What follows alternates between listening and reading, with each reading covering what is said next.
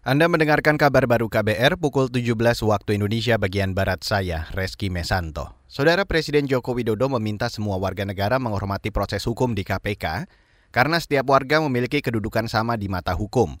Ini disampaikan Jokowi merespon kasus gratifikasi yang diduga dilakukan Gubernur Papua Lukas NMB dan suap penanganan perkara di Mahkamah Agung yang kini ditangani KPK. Saya kira proses hukum yang ada di KPK semuanya harus menghormati. Semua sama di mata hukum. Dan saya sudah sampaikan juga agar semuanya menghormati panggilan dari KPK, menghormati proses hukum yang ada di KPK. Semuanya. Ya. Presiden Jokowi juga menekankan pentingnya reformasi bidang hukum untuk terus dilaksanakan berdasarkan sejumlah kasus hukum yang terjadi belakangan ini. Jokowi menyatakan telah memerintahkan Menko Poluka Mahfud MD untuk melaksanakan reformasi bidang hukum. Beralih ke berita selanjutnya, Saudara. Menteri Pendidikan Nadiem Makarim meminta maaf karena salah menyebut lembaga vendor yang dikontrak Kemendikbud sebagai tim bayangan. Pernyataan ini disampaikan Nadiem saat rapat dengan Komisi Pendidikan DPR di Gedung Parlemen hari ini. Kata dia, vendor itu adalah Govek Edu, organisasi yang berada di bawah PT Telkom Indonesia dan sudah resmi dikontrak Kemendikbud. Inovasi yang sangat dihormati negara lain adalah cara birokrasi kami, cara ASN-ASN hebat dalam Kemendikbud Ristek kami tidak memperlakukan mereka sebagai vendor, walaupun secara kontraktual sudah jelas mereka vendor.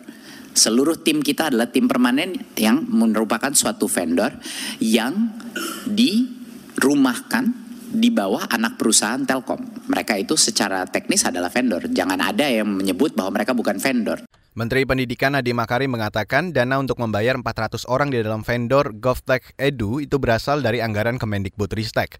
Sebelumnya Mendikbudristek Nadiem Makarim menyebut ada tim bayangan berisi 400 orang ahli di Kemendikbud. Ini disampaikan Nadiem saat diundang Perserikatan Bangsa-Bangsa PBB untuk menjelaskan proses transformasi teknologi dalam pendidikan di Indonesia dua pekan lalu. Istilah ini mendapat tanggapan ramai di publik.